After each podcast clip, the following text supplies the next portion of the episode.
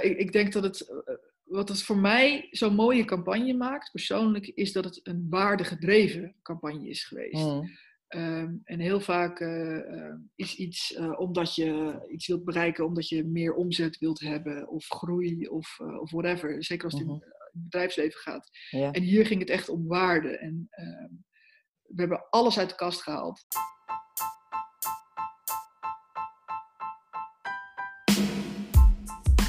Welkom bij Getting Comfy With, de podcast voor en over communicatiemensen. Comfy is een samentrekking van communicatie en koffie. Precies wat we in onze podcast doen. Tijdens een kop koffie gaan we in gesprek met een communicatiemens met een goed verhaal. En in deze speciale serie, die we in samenwerking met Longeil maken, zijn dat niet de minste. Namelijk de finalisten voor communicatie man of vrouw en communicatietalent van het jaar. Ieder vertelt waarom juist hij of zij zou moeten winnen. En tegelijkertijd leren we ze beter kennen. In gesprek met Kirsten Verdel, voorgedragen voor Communicatievrouw van het jaar. Ze heeft een cv om u tegen te zeggen, waar je onder andere op vindt dat ze senior communicatieadviseur is, bekend is als Amerika-kenner bij onder andere Pauw en Eén Vandaag. Ze is als campagnemedewerker, uh, speelde ze een rol voor Barack Obama bij de presidentsverkiezingen. En je kan er kennen van de actie om Access for All te behouden. En met die case is ze finalist geworden. Welkom Kirsten. Hallo. Hallo. We hadden het net al eventjes off the record over kinderen weer naar school en dat dat zo fijn is.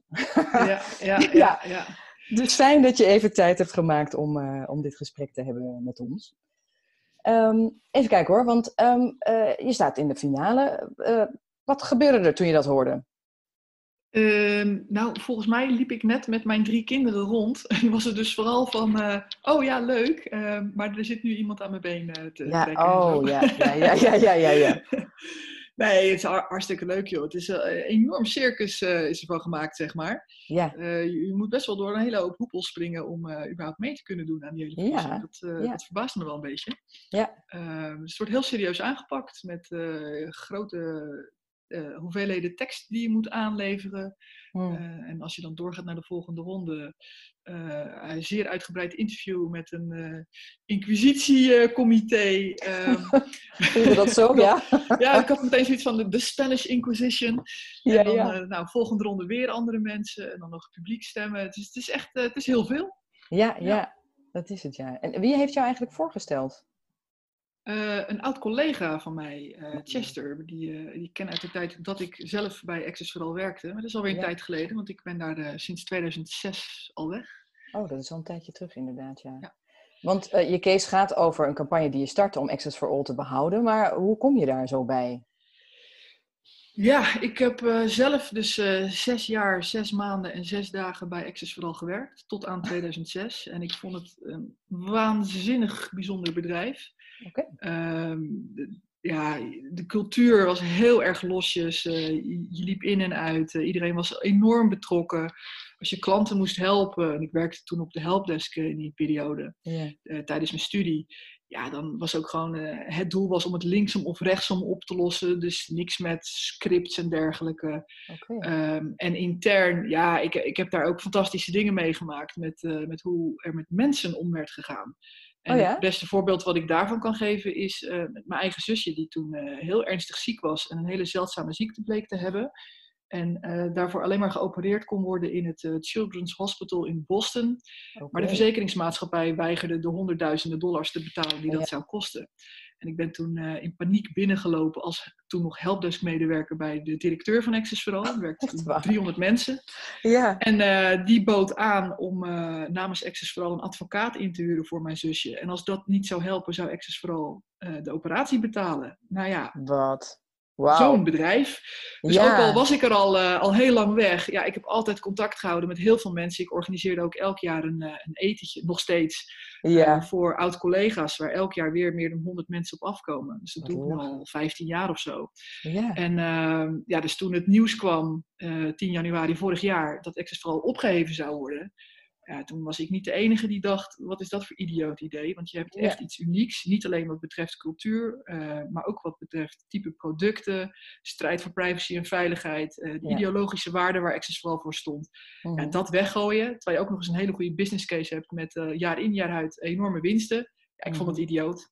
Ja, en uh, vandaar dat ik toen uh, petitie ben gestart in eerste instantie om uh, Access vooral te behouden. In de hoop een steuntje, een steuntje in de rug te geven aan mijn oud-collega's. Ja. maar dat liep heel erg uit klauwen. Is uiteindelijk geëindigd op 55.000 ondertekeningen. Yo. En binnen no time hadden we een actiecomité gericht, opgericht. Bestaande uit oud-collega's, sympathisanten, van alles en nog wat. En toen is het balletje een jaar lang gaan rollen. En jij hebt dat balletje ook gaande gehouden. Ja, ik als initiatiefnemer van de petitie en, en ook initiatiefnemer van het actiecomité uh, kwam ik bij, ja, vrij, op vrij natuurlijke wijze ook in de positie terecht dat ik dan ook zeg maar, de agenda maar bewaakte. En uh, ja. ja. dat probeer je een beetje probeerde te regelen allemaal. Uh ja, je zit natuurlijk echt gewoon in een groot team van alleen maar vrijwilligers, uh, waarin iedereen zijn eigen ding uiteindelijk vooral moet doen. Dus de mensen die van techniek zijn, die moeten ook dan de technische dingen die langskomen oplossen uh, en aanpakken. Dus, dus ja, we hebben heel snel een website en dergelijke in elkaar gedraaid. Nou ja, dat, uh, dat, moest allemaal in, in, in, no time gebeuren met allerlei opties erbij. Dat je, dat je ook uh, donaties en dergelijke mogelijk kon maken. Nieuwsbrief, allemaal dat soort dingen opzetten we allemaal gedaan. Uh, maar ook publieksacties uh, die we wilden voeren. Ze hebben een uh, avond georganiseerd in Waag in Amsterdam. Ja. met heel veel pers erbij om meteen aandacht te vragen. We hebben met I am Access Vooral letters uh, voor het uh, Rijksmuseum gestaan in Amsterdam, omdat de oh, top 75 medewerkers van KPN daar bij elkaar kwam. We hebben de aandeelhoudersvergadering van KPN, de jaarlijkse aandeelhoudersvergadering, lastiggevallen. En ja, zo organiseert iedereen uh, dan in eigen clubjes weer zijn ding. En ja, ik heb voortdurend alle communicatie daarover gedaan en ook voor een deel de organisatie geregeld. En dit heb je naast je gewone baan gedaan? Ja, naast mijn uh, gewone baan uh, bij Dreugen van Drimmelen en uh, naast de drie kinderen van twee, vier en vijf die ik dus heb. Dus het is een, een behoorlijk rustig jaartje geweest. Als oh, je nou. maar hoe dan? Hoe krijg je dat voor elkaar? Ja, ehm, wat enorm helpt met dit soort dingen is als je echt gewoon ergens in gelooft en echt ergens voor wilt gaan, dan krijg je natuurlijk ook gewoon extra energie. Dat, dat weet ik ook nog uit bijvoorbeeld inderdaad zo'n campagne als uh, voor uh, Obama in 2008. Mm-hmm. ja, je werkt dan zeven dagen per week, ja. 24 uur per dag voor je gevoel. Maar dat maakt niet uit. Um, en dan zeggen mensen altijd, ja, is er dan niet een zwart gat na afloop als het klaar is? nee, dan is er gewoon eindelijk even rust. That's it. Mm. en dan ga je weer door. Is het te vergelijken met wat je in Amerika toen hebt gedaan? Qua opbouw? Um, ja, deels wel. Um, er zijn ook gewoon heel veel lessen uit, uh, uit dat verleden die ik gewoon tot op de dag van vandaag nog, uh, nog toe kan passen. Wat ik zelf altijd wel heel, nou, wat ik heel belangrijk heb gevonden altijd en ook altijd terugzie, is uh, dat persoonlijke benadering gewoon heel erg belangrijk is. Mm omdat het werkt en omdat het gewoon prettig aanvoelt.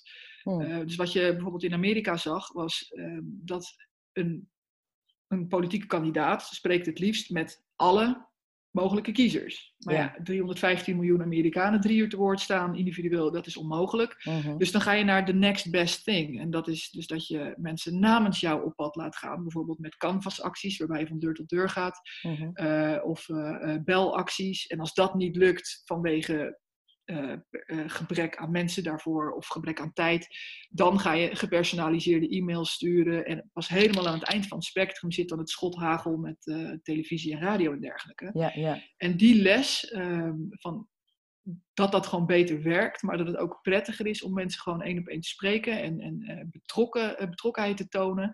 Ja, die heb ik hier ook toegepast. Ik heb, Alles is in, in wij-vorm gedaan.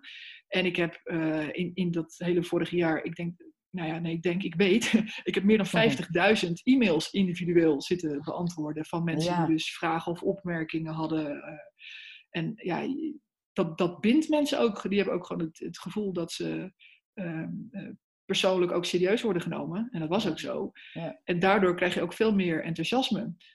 Dus niet alleen voor dus de acties vorig jaar uh, voor Access Vooral, waar dus uiteindelijk dus 55.000 mensen die petitie hebben getekend, uh, 45.000 euro donaties binnen is gekomen, Ja. 1000 mensen die een t-shirt uh, afnamen, uh, 3000 mensen die meededen aan een crowdfundactie. Maar, je, maar, je, zag dat dus ook in, um, in, in, die Obama-campagne, dus alweer 12 jaar geleden, Ja. dat ik trek altijd de vergelijking dat voor elke uh, persoon die bijvoorbeeld de Partij van de Arbeid in hoogtijdagen op de markt wist te krijgen om uh, folders uit te delen, ja. had Obama relatief gezien 60 keer zoveel mensen. Ja, ja. Uh, en dat komt door en die persoonlijke betrokkenheid en door het verhaal, maar ook door twee andere principes. En die heb ik aangestipt net zonder ze te benoemen, namelijk uh, vertrouwen en verantwoordelijkheid. Op het moment dat je mensen vertrouwen en verantwoordelijkheid geeft om hun eigen uh, campagne te organiseren, dan lopen ze ook veel harder. Dus Ja. binnen het actiecomité zei ik ook al, mensen gewoon, uh, liet je gewoon de dingen doen waar ze zelf goed in zijn. Dat werkt ook gewoon het beste. Ja, En dan ja. moet je er gewoon op vertrouwen dat dat goed gaat en niet te veel regels of, uh, of kaders daaraan meegeven. Nee. Je, je hebt gewoon een hoofdlijn die je uitzet, een hoofdboodschap die je verkondigt, dat deel je met elkaar. Maar hoe mensen dat dan vormgeven, dat moet je vooral aan hen zelf overlaten. Ja, ja. Hoeveel mensen staan er uiteindelijk in het actiecomité? Um, in het kernteam verspreid door het jaar zo'n ja, ongeveer 20 mensen. Uh, en een directe schil daaromheen, ook in allerlei chatgroepen en dergelijke, nog eens uh, 40. Um, maar daarnaast hebben we ook heel veel bedrijven, uh, andere individuen, kleine clubjes, die ook heel veel hebben bijgedragen, bijvoorbeeld uh, in, in, in, ontwerp van, van dingen of in ondersteuning met apparatuur, van alles en Ja, nog wat. En dat waren Ja. er nog eens, ja, misschien wel honderd. Ja. Um, dus echt heel veel met wie we gewoon heel veel doorlopend contact moesten hebben. Ja. Ja, ja. En wat waren de grootste uitdagingen door het hele proces? KPN laten zien dat wij geen uh, stelletje hippies waren um, die gewoon alleen maar kwamen om ergens tegenaan te schoppen, maar dat we echt een verhaal hadden, dat we echt een goede onderbouwing hadden en dat we ook dus een serieus gesprekspartner waren en dat we ook heel serieus waren. Um, en in het begin landde dat niet helemaal en uh, we zagen ook nog het begon dus 10 januari dit hele verhaal. En 10 april, dus uh, 1, 2, 3 maanden later, was die Oh. aandeelhoudersvergadering van KPN. Toen hadden we al heel veel uh, media-aandacht gehad en uh, acties gevoerd, uh, die avond in de wagen gehad enzovoort. Continu laten zien dat we op de inhoud zaten. En toch waren ze bij die aandeelhoudersvergadering vooral bang dat we, weet ik het, met dingen zouden gaan gooien of zo. Dus ze hadden ook Oh, extra beveiliging ingehuurd, terwijl Oh. wij daar alleen maar keurig moeilijke vragen kwamen stellen. Ja, ja, ja. Maar uiteindelijk zijn we uh, na die aandeelhoudersvergadering dus wel in gesprek gekomen met uh, Maximo Ibarra, die toen nog de CEO was. Uh, en hebben we ook ja, nog vergaande gesprekken gehad over dan maar een mogelijke overname van Access Vooral. Weet je, wat als jullie nou Access Vooral gewoon verkopen? Dan heb je wel de lusten en niet meer de lasten. Um, en dat werd dusdanig serieus dat we zelfs uh, investeerders mochten aandragen die een uh, bod mochten uitbrengen. Dus Wow. moesten we dat ook nog eventjes tussendoor zien te Ja, regelen. jeetje, Dus dat is een ook heel wat anders, bedrijven die, ja, dan heb je het over Ja. investeringsmaatschappijen die even Ja. een paar honderd miljoen op tafel moeten leggen. Maar ook dat Mm. lukte. Ehm, maar dat, werd, eh, dat liep uiteindelijk eh, op niks uit, omdat KPN natuurlijk vooral zelf uiteindelijk die klanten binnen de eigen portefeuille wil Ja. houden. Dus gingen we maar door naar plan B. Het oprichten van een alternatieve provider Ja. die de waarde van Access vooral zou eh, overnemen. Ja, dat is hoe, gebeurd, staat het, hoe staat het daarmee? Want vertel, hoe is dat ja, dus we hebben, we hebben dus, eh, daar hadden we dus geld voor nodig. Dus we zijn op 4 november vorig jaar hebben we toen een crowdfundingscampagne gelanceerd in de hoop om eh, eh, binnen drie maanden 1,25 miljoen op te halen. Dat was nodig om te kunnen starten. Nou, en in plaats daarvan zaten we in 3,5 dag op eh 2,5 miljoen. Het maximale bedrag wat eh, mocht. Wauw. Ehm, en toen meteen doorgepakt. En 11 november, dus een week later, zijn we om 11 uur, 11 minuten en 11 seconden, want enige symboliek hoort er natuurlijk ook wel bij, ja, ja, ja. gelanceerd met Freedom Internet. ehm, waar mensen dan direct al founding member van konden worden. Dus Mhm. lid, weet je, geen klant, maar lid. Weet je, ook, Mhm. al die terminologie is ook heel bewust gekozen, want Ja? mensen voelden zich ook altijd lid van eh Access Vooral, meer dan Mm. als klant. En eh, daarna is er heel hard gewerkt om ervoor te zorgen dat eh, de eerste klanten ook daadwerkelijk internet eh, geboden konden krijgen. En dat is eh, een paar weken geleden gebeurd. De eerste 128 klanten konden zich toen aanmelden. Ze waren heel benieuwd hoe dat zou gaan. Nou, binnen Ja. anderhalf minuut eh, was dat vol. En komende vrijdag, uh, uh, ja, dit gesprek wordt natuurlijk later uitgezonden, maar 13 mei, 15 mei, dan gaat de tweede batch van 256 klanten kan zich dan aanmelden. Dus wow. zijn hele symbolische getallen in de internetwereld. 128, 250, Is ook zo, maar ja. 512, ja. Ja, ja, ja. Dus dat loopt.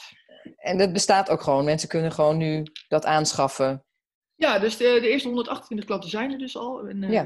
En de rest eh, kan zich nu druppelsgewijs aanmelden. Er wordt langzaam gegroeid. We kunnen niet meteen in één keer duizenden of tienduizenden klanten tegelijk aansluiten. We met een, een eh, klein opstartclubje.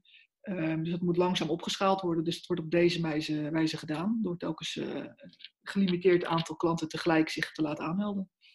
Wauw.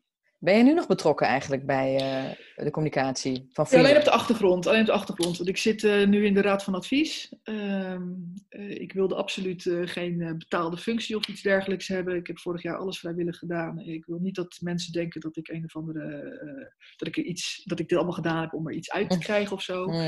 Dus ik zit in de raad van advies en ik ja, sta dus wat, wat verder af nu van de dagelijkse praktijk, maar ik volg natuurlijk wel alles. Ja, ja, leuk hoor. Ik zat een beetje te kijken naar ook Access for All, maar het bestaat nog wel, hè? Ja, dat is het hele mooie. Hoe, hoe zit dat dan? ja, precies. Nee, want onze acties hebben natuurlijk wel effect gehad. Want ze zijn natuurlijk wel heel bang geworden bij KPN dat al die klanten weg zouden lopen. Dus wat er uh, in eerste instantie werd gezegd was: nee, alleen de naam verdwijnt als Access for All wordt opgegeven. Voor de rest blijft alles hetzelfde. Dus de mensen blijven gewoon, de techniek blijft gewoon en je mag gewoon nog je eigen ideologische waarden nastreven, bla bla bla. Hmm. Ja, dat blijkt ook niks van waar te zijn, want achter de schermen willen ze juist de techniek volledig integreren en het personeel is nu ook, uh, in dienst van KPN uh, eh, sinds eerder dit jaar.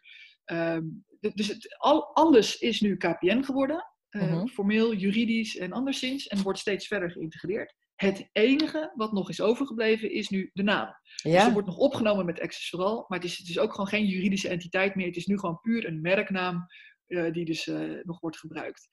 Uh, en dat hebben ze eh, alleen maar gedaan, die naam bewaren, om, ja, in de hoop dat mensen denken dat Access Vooral nog bestaat en dat dus zo weinig ja. mogelijk mensen naar Freedom overstappen. Ja. ja, dat is heel slim eigenlijk ook. Ja. Ja, ik, in hun positie had ik waarschijnlijk hetzelfde gedaan. Ja, precies, precies. Heb je enig zicht op, op, op wat de cijfers laten zien van overstappen? Of mensen die weggaan? Uh, nou, mensen lopen massaal weg bij KPN, uh, ja? al sinds de aankondiging van de overname. Dus er worden okay. door Telecom Paper worden eens in de zoveel tijd worden cijfers gepubliceerd van het aantal nieuwe aanmeldingen en opzeggingen bij providers in Nederland. -huh. En er wordt bij KPN ja, sinds vorig jaar veel opgezegd. Dan heb je het echt over tienduizenden klanten Jeetje. die die weglopen. Ook bij KPN zelf dus. Hè? dus niet ja, precies. Niet nee, KPN-klanten. Ja. Ja, ja, Als je nou zo terugkijkt op die hele periode, het is vrij kort hè, als je alles bij elkaar optelt. Uh, waar ben je nou het meeste trots op? Ja, dat we de waarde van Access dus hebben weten uh, te behouden. Want dat, daar ging het uiteindelijk uh, vrijwel iedereen om. Mm -hmm. um, het was gewoon een heel bijzonder bedrijf. En ja, je kan dat niet één op één overnemen, want je zit natuurlijk uh, deels ook met nieuwe mensen. Want Freedom -hmm. bestaat nu qua medewerkers voor een groot deel uit uh, mensen die dus tot vorig jaar bij Access Vooral werken. En ook ja. oud Access Vooral medewerkers. Daar was ik ook benieuwd naar. Ja, oké. Okay. Ja, ja, ja, Het is echt een uh, mix geworden, maar er zitten dus veel Access Voorallers bij. Hmm. Um, maar ja, je kan niet iedereen meenemen. En uiteindelijk, ja, een, een, bedrijfscultuur wordt natuurlijk gevormd door alle mensen die er zitten. Daar krijg je natuurlijk bepaalde ja, uh, daar ontstaan bepaalde sferen uit. Ja, en ze zitten nu met een uh, enkele tientallen mensen. Uh, dat is natuurlijk toch weer anders dan als je met drie of vierhonderd man zit. Uh, maar het gevoel is er helemaal. Dat merk je aan alles. Dat je. De drive is er. Uh, de idealen die staan vier overeind. Uh, je merkt het ook aan de klanten die nu binnenkomen. Die zijn er ook gewoon heel erg blij mee. En die hebben ook echt het gevoel dat het, dat, dat het is gelukt. Ja, dus het gekke is, we hebben Access vooral ja, niet kunnen behouden als zelfstandige juridische entiteit. Nee. Maar toch is het gevoel dat het is gelukt. En dat vind ik wel heel erg mooi. Dat is wel heel bijzonder. ja. ja. Kun jij uh, heel onbescheiden in één zin vertellen waarom jij moet winnen? ik moet helemaal niks. Ik vind het hartstikke leuk dat ik genomineerd ben. Yeah. Nee, ja, ik, uh, ik, ik, denk dat het. Uh, wat het voor mij zo'n mooie campagne maakt, persoonlijk, is dat het een waardegedreven campagne is geweest. Mm. Um, en heel vaak uh, is iets uh, omdat je iets wilt bereiken, omdat je meer omzet wilt hebben, of groei, of, of whatever. Zeker als het in, het bedrijfsleven gaat. Ja. En hier ging het echt om waarde. En ehm, we hebben alles uit de kast gehaald. We hebben dus eh, publieksacties gedaan, mediacampagne, eh, deelpolitieke lobby, eh, allerlei zakelijke voorstellen met die investeerders, crowdfunding, rapid response. We hebben alles, alle communicatiemiddelen die je hebt uit de kast getrokken om dit te kunnen doen. En dat vind ik wel eh, erg leuk. Ja, ja. ja dat, is wel, een- dat is wel mooi inderdaad. eh, Multi-inzetbare middelen, et cetera. En dan vergeet, ja. ik, dan vergeet ik nog het uitdelen van appeltaart. Ja, wat dat is dat met die appeltaart? Want dat zag ik Ja. met meerdere dingen terug. Wat is daar Ja, van? Ja, Ja. dat is eh, al vanuit de begintijd van Access Vooral. eh, heeft zelfs iets over in de algemene voorwaarden gestaan dat je appeltaart kreeg als je de systemen van Access Vooral wist te hacken. Ehm, en het was altijd een soort van usance dat eh, als je iets gedaan wilde krijgen binnen Access Vooral, dan stuurde je maar appeltaart op.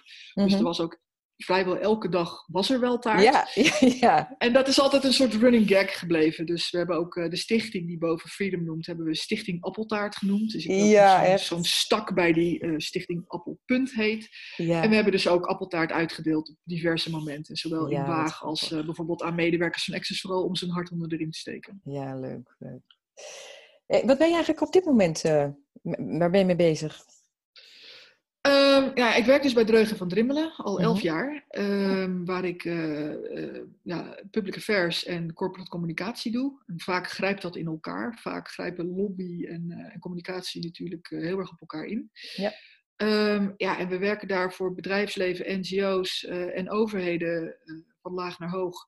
Hm. Allerlei type thema's met als rode draad dat het eigenlijk altijd wel een, iets is waar we, ja, wat een maatschappelijk nut moet dienen. Want anders Ja. ik me er in ieder geval niet tegenaan. Ik eh, doe Nee. alleen maar eh, werken voor iets waar ik zelf achter sta. Ja. Ehm, ja, en, en ja, deze afgelopen weken zijn we bijvoorbeeld bezig met het museum in Scheveningen. Een museum wat eh, Oh ja. zijn subsidie volledig kwijt dreigt te raken. Ja. Daar proberen we een stokje voor te steken. Dus dat, weer een campagne. ja, precies, ja. Ja. Duik jij overal zo eh head first in? Hoort dat bij jou? Ehm, eh, nee. Oh, Ehm, maar wat wel zo is, is dat als ik eenmaal iets aan het doen ben, dan laat ik het slecht los. Ik weet niet of slecht het juiste woord is, maar ik laat dingen niet snel los. Ik weet nog dat toen ik in 2008 terugkwam uit Amerika, ehm, toen waren er heel veel, had ik heel veel baanaanbiedingen van allerlei organisaties. Ehm, en ik had toen zelf ook op een paar dingen gesolliciteerd. En dan kreeg ik als antwoord in gesprekken van ja, we denken dat je overal altijd snel weggaat. hm, En dat is een enorme misvatting geweest. helemaal niet waar, toen- ja. Nee, ik had toen gewoon een aantal dingen gedaan die gewoon kortstondig van duur waren. Bijvoorbeeld omdat het een campagne was met een einddatum. Maar daardoor Ja. zag mijn cv er een beetje uit alsof ik overal heel snel wegging. Ja, ja, ja. Maar ik ga eigenlijk nooit ergens weg. Want nou ja, neem Access vooral maar. Ik ben er sinds Ja. 2006 weg, maar ik ben er niet weg. Het ultieme Ehm, voorbeeld inderdaad, ja. Ja, ja. en bij Dreugen van Drimmelen dachten mensen ook... ja, die gaat die twee jaar rondhangen en dan is ze ook weer weg. Nou, ik zit er nu elf jaar. Maar de lol daar is natuurlijk dat het... eh, elk denkbaar onderwerp is wat langs kan komen in elk denkbare sector. En dat dan weer overheid en dan weer bedrijfsleven en dan Ja. weer NGO.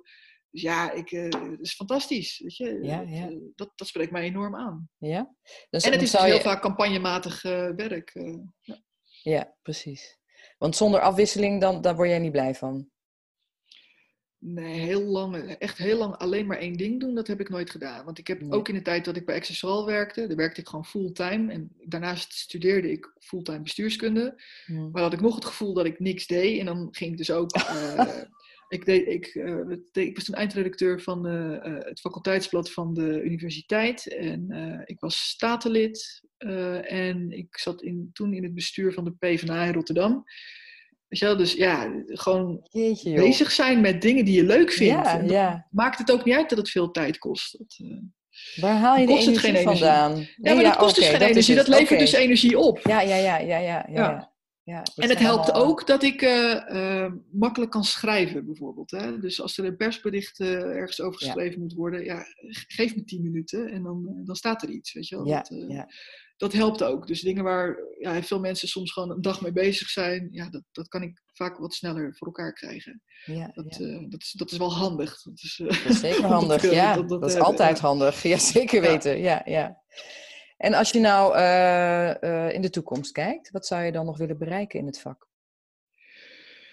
Ehm, Ja, of daarbuiten, nou, ik, mag ook. Ik heb, ik, ja, precies. Want ik heb een hele bewuste keus gemaakt om geen carrière te willen maken.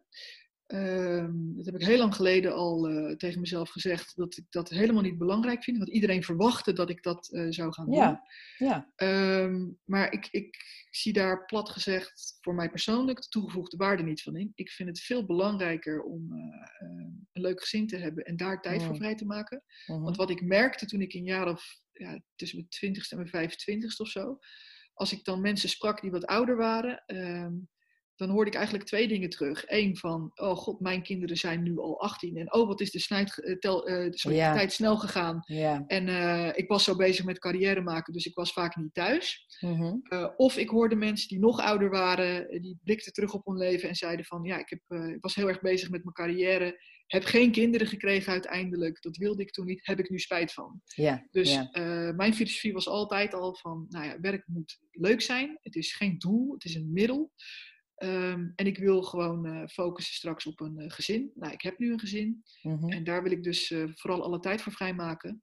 Ja. En in mijn werk ben ik vooral op zoek dus naar opdrachten waar ik, waar ik, waar ik achter sta. Mhm. Dus dingen waar ik gewoon vol voor kan gaan, omdat ik er zelf ook in geloof. Ja. En dat, is, dat is mijn ambitie om dat te blijven doen. ja, precies. En dat kan dus, het kan dus prima zijn dat het op een gegeven moment op een andere plek wordt of zo. Maar daar ben ik dus niet actief op aan het sturen of iets Nee, dergelijks. nee. Want als jij het hebt over carrière maken, wat bedoel je daar dan mee? Want als ik kijk naar wat je allemaal gedaan hebt, dan is dat toch wel degelijk een mooie carrière. Ja, maar carrière maken wordt natuurlijk vaak geframed in eh hoger opkomen, eh, andere organisaties eh, opzoeken, meer geld Ja. verdienen. Ja, dat vind ik allemaal niet zo relevant.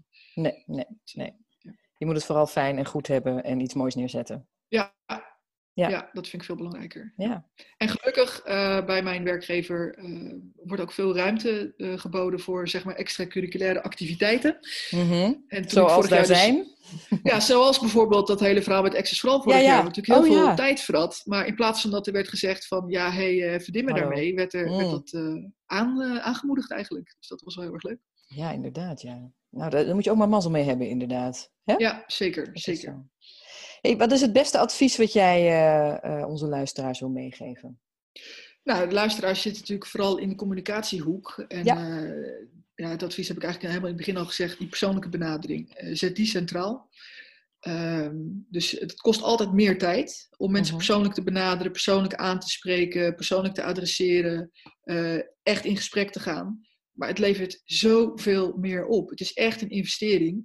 Mhm. En als je zegt van ja, maar ik kan niet eh, de persoonlijke benadering opzoeken, want ik werk bij een bedrijf wat eh, eh, 2 miljoen klanten heeft.